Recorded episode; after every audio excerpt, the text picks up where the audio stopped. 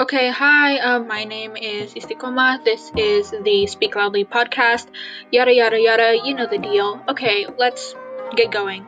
This week, we're going to talk about productivity, and uh, more specifically, we're going to talk about time management.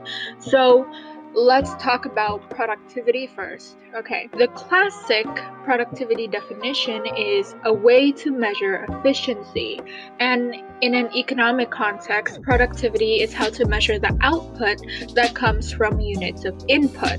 It's getting the results you want with less time and effort. When you're trying to understand how to be productive, what you are really trying to do is finding a way to achieve your goals while having time to spend on what matters. And this definition is really important because when you think of someone productive, you might immediately picture somebody who is busy all the time. And you might picture somebody who is constantly moving through tasks or pushing deadlines. But being busy is not being productive. It's not the same thing. When you are truly meeting the definition of productivity, you won't be chasing deadlines. You won't be busy. It's actually quite the opposite. You will be ahead of schedule.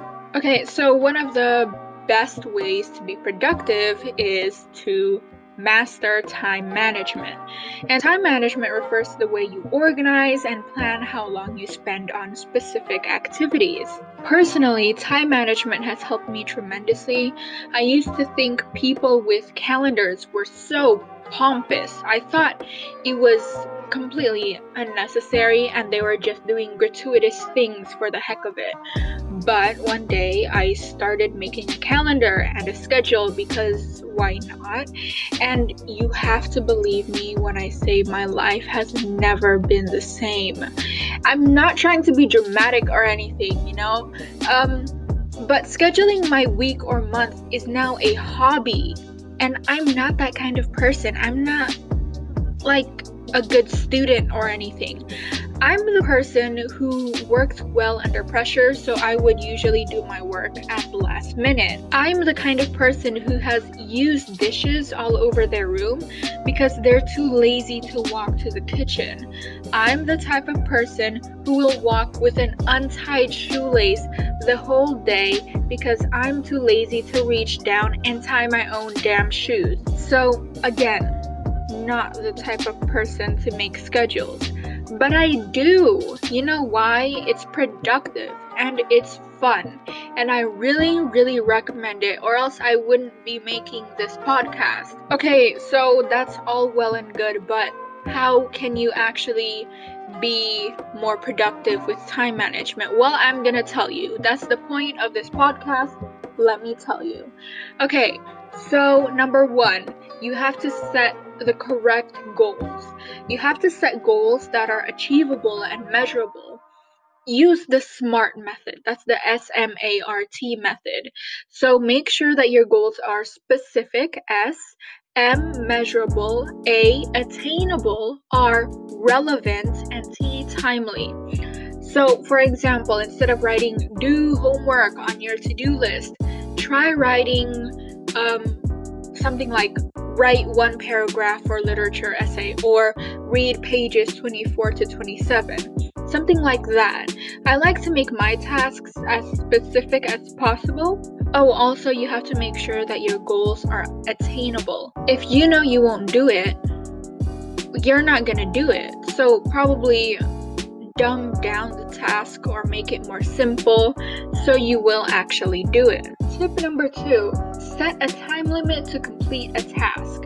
Setting time constraints for completing tasks helps you be more focused and efficient. Making the small effort to decide how much time you need for each task can help you recognize potential problems before they arise. That way, you can make plans for dealing with them. So let's say that you have to write a five page essay for your history class, and you know that you can only write one page a day. Ergo, you would need five days to complete that specific task. The deadline, let's say, is in six days. So you would start tomorrow, right?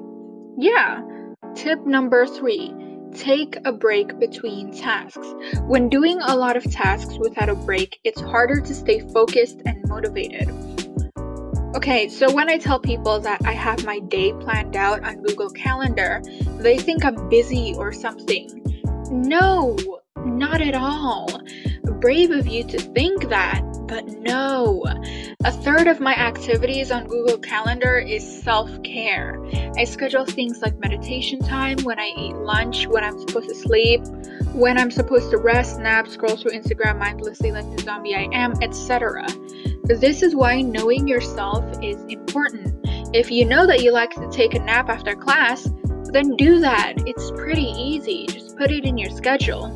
And tip number four organize yourself. Utilize your calendar for more long term management. Write down the deadlines for projects and for tasks that are a part of completing the overall project. Think about which days might be best to dedicate to specific tasks. This tip is actually pretty self explanatory. I have Google Calendar and a to do list.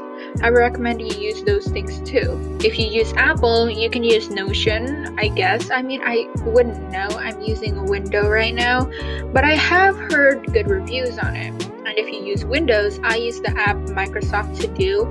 It's cool, it's usable, and I use it. I've, oh anyways, and of course, use Google Calendar. That's pretty much it. See you guys later.